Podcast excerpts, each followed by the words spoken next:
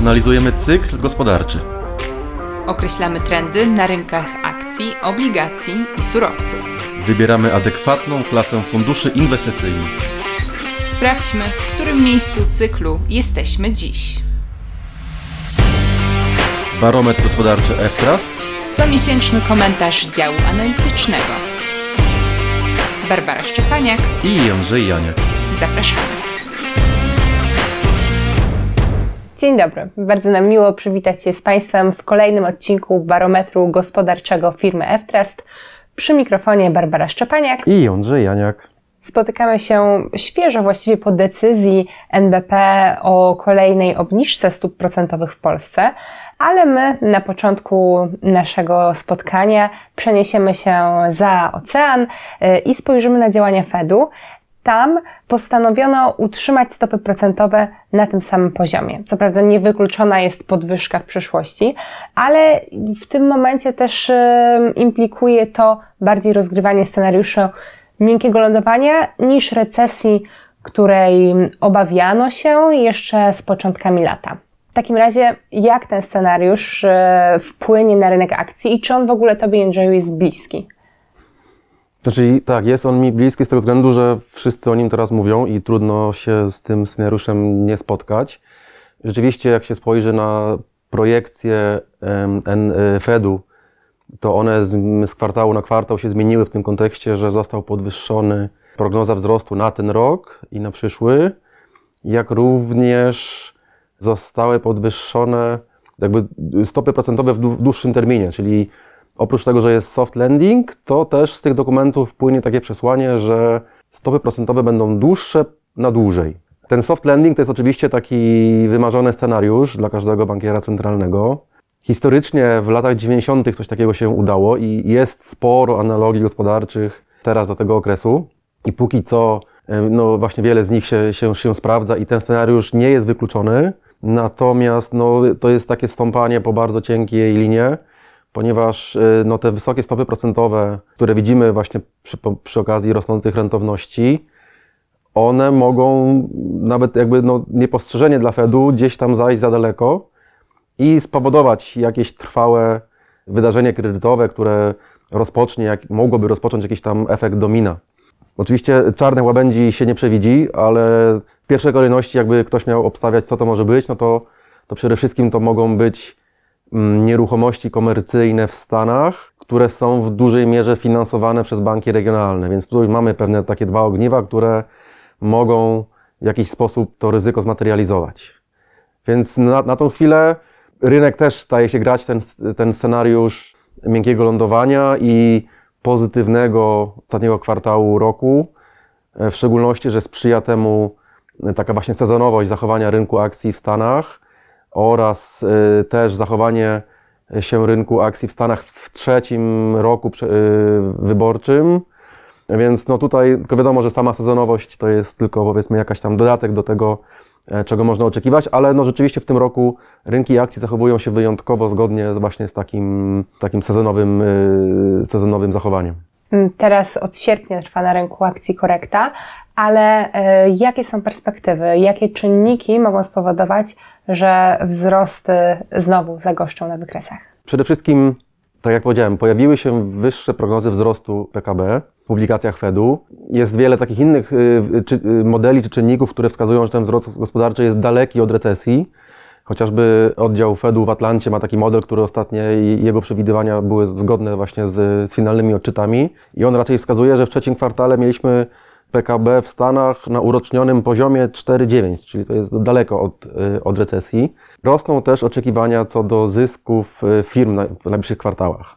Więc no, to są czynniki, które, które są jakby za tym, żeby oczekiwać dobrego zachowania się w końcówce roku. Oczywiście tutaj możemy dać od razu parę kontr, chociażby taka podstawowa, że po co brać na siebie ryzyko akcyjne, skoro na krótkoterminowych obligacjach możemy mieć 5% w skali roku, tak? Czyli ta konkurencja e, jest, e, jest duża oraz to, że te opóźnione efekty podwyżek stóp procentowych będą się teraz dopiero uwidaczniać, czyli firmy będą musiały e, rolować swoje zadłużenie tak, po, wyższych, po wyższych e, stopach. Konsument e, przy wysokich stopach oprocentowania kart kredytowych też przestanie być tak ochoczo te pieniądze mm, wydawać, więc no, natomiast też musimy mieć no, pod uwagą to, że no, rynki najczęściej rosną właśnie na ścianie strachu. I teraz pytanie tylko, czy będziemy na tej ścianie strachu rosnąć, czy raczej się o nią giełdy rozwalą. Wywołałeś trochę temat obligacji te krótkoterminowe pozwalają zarobić, ale na przykład rentowności 10-letnich obligacji Stanów Zjednoczonych czy Niemiec osiągnęły swoje nawet kilkunastoletnie maksima. Jak tutaj ta sytuacja e, odbije się na rynku obligacji? Czy to e, trwała zmiana trendu na no, ten niekorzystny dla inwestorów? Czy trwała, to właśnie będzie zależało od tego, czy będzie soft landing, czy raczej i właśnie wy, wystąpi to wydarzenie kredytowe, o którym mówiłem. Bo jeżeli wystąpi, to przewidywalnym działaniem banków centralnych będzie powrót do bardziej łagodnej polityki, obniżenie stóp, być może nawet skupowanie aktywów i, i dostarczenie płynności na rynki. Więc wtedy byśmy mieli po prostu taki kolejny y, znaczący tak zwany pivot na rynku tych, tych rentowności stóp procentowych na tą chwilę, czyli to, że rosną, rosną rentowności, to, to przypomnijmy naszym słuchaczom, że to znaczy, że ceny obligacji spadają i te spadki na tych długoterminowych obligacjach są bardzo istotne i to jakby coraz większą część inwestorów bardziej e, zachęca w kierunku spojrzenia jako okazji, okazji e, do tego, żeby na tych obligacjach zarobić. Jeżeli by się spełnił też ten warunek, że mamy to ożywienie gospodarcze, którego oczekujemy, bo pewne sygnały danych gospodarczych płyną, że tak może być, no to te rentowności też w takim otoczeniu mają bardziej tendencję do tego, żeby być w trendzie zwyżkowym.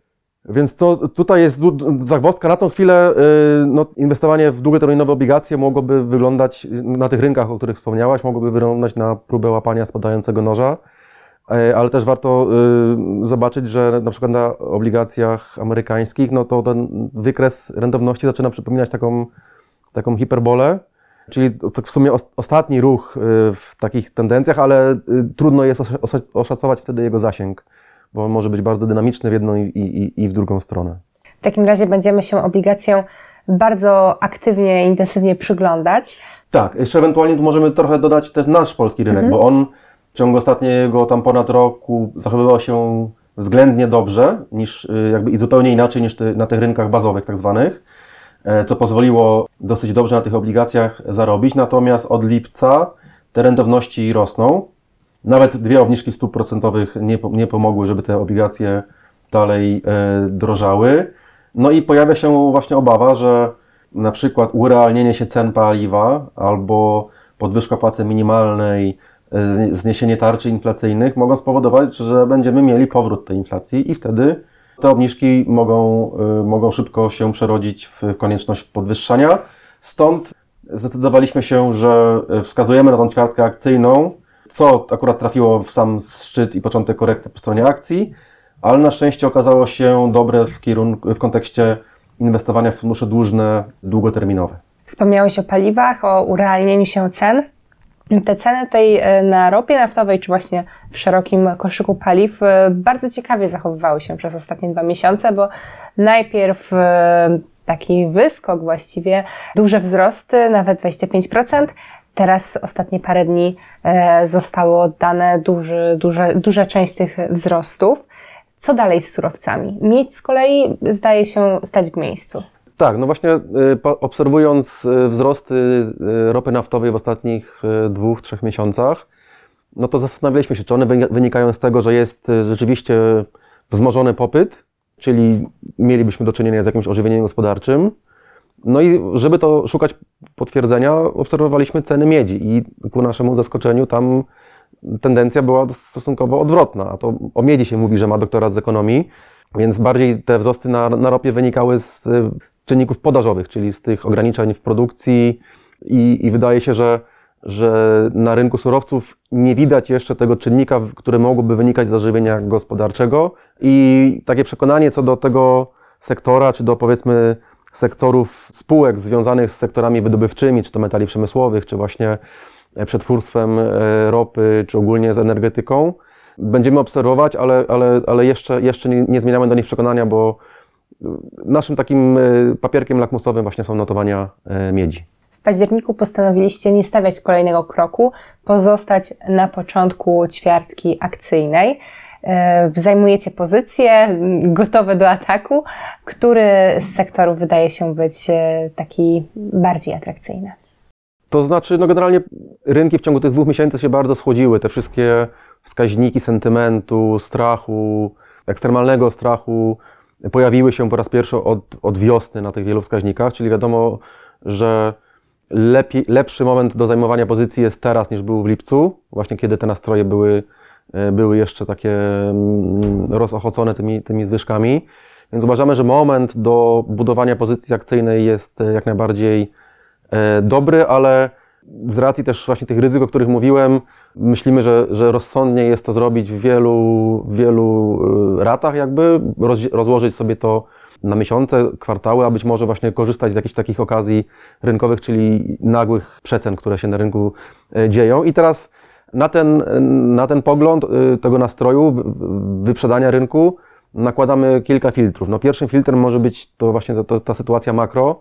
No i widzimy, że, że są takie kraje jak Indie, gdzie ten wzrost gospodarczy e, jest, jest bardzo mocny. Wskaźniki koniunktury, zatrudnienia, są y, w trendach wzrostowych i, i tam widać, że to żywienie postępuje. Delikatne sygnały płyną też e, z Polski, gdzie ta sprzedaż detaliczna się zaczyna poprawiać, ona idzie w parze e, z funduszem płac, więc e, też jest oczekiwanie, że czwarty kwartał w Polsce będzie wyciągnięty przez konsumpcję i, i znacząco lepszy niż, niż poprzednie. W Stanach widzimy również pierwsze sygnały, które płyną chociażby takiego spojrzenia, jak się różnią między sobą subindeksy nowych zamówień, a zapasów.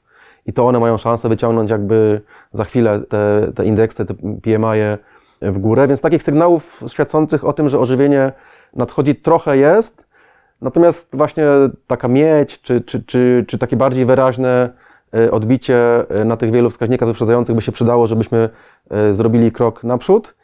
Ale uważamy, że ryzyko w dłuższym terminie jeśli chodzi o zajęcie pozycji akcyjnej, teraz jest niższe niż, niż jeszcze było w lipcu.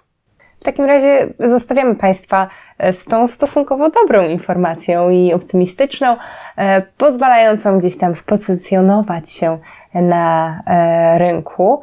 Dziękujemy Wam za wspólnie spędzony czas. Zachęcamy do pozostawienia komentarza czy recenzji, w zależności od tego, gdzie nas słuchacie. No i do usłyszenia w następnym miesiącu. Barbara Szczepaniak i Jędrzej Janiak. Znajdziecie nas na ftrust.pl ukośnik podcast i tam też sprawdzicie skuteczność podejścia makro do inwestowania.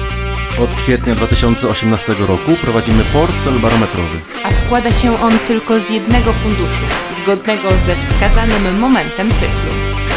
Przekonaj się, jak rynek weryfikuje nasze tezy. Jeśli materiał Wam się podobał, Podzielcie się nim ze znajomymi i dodajcie ocenę czy recenzję. Do usłyszenia.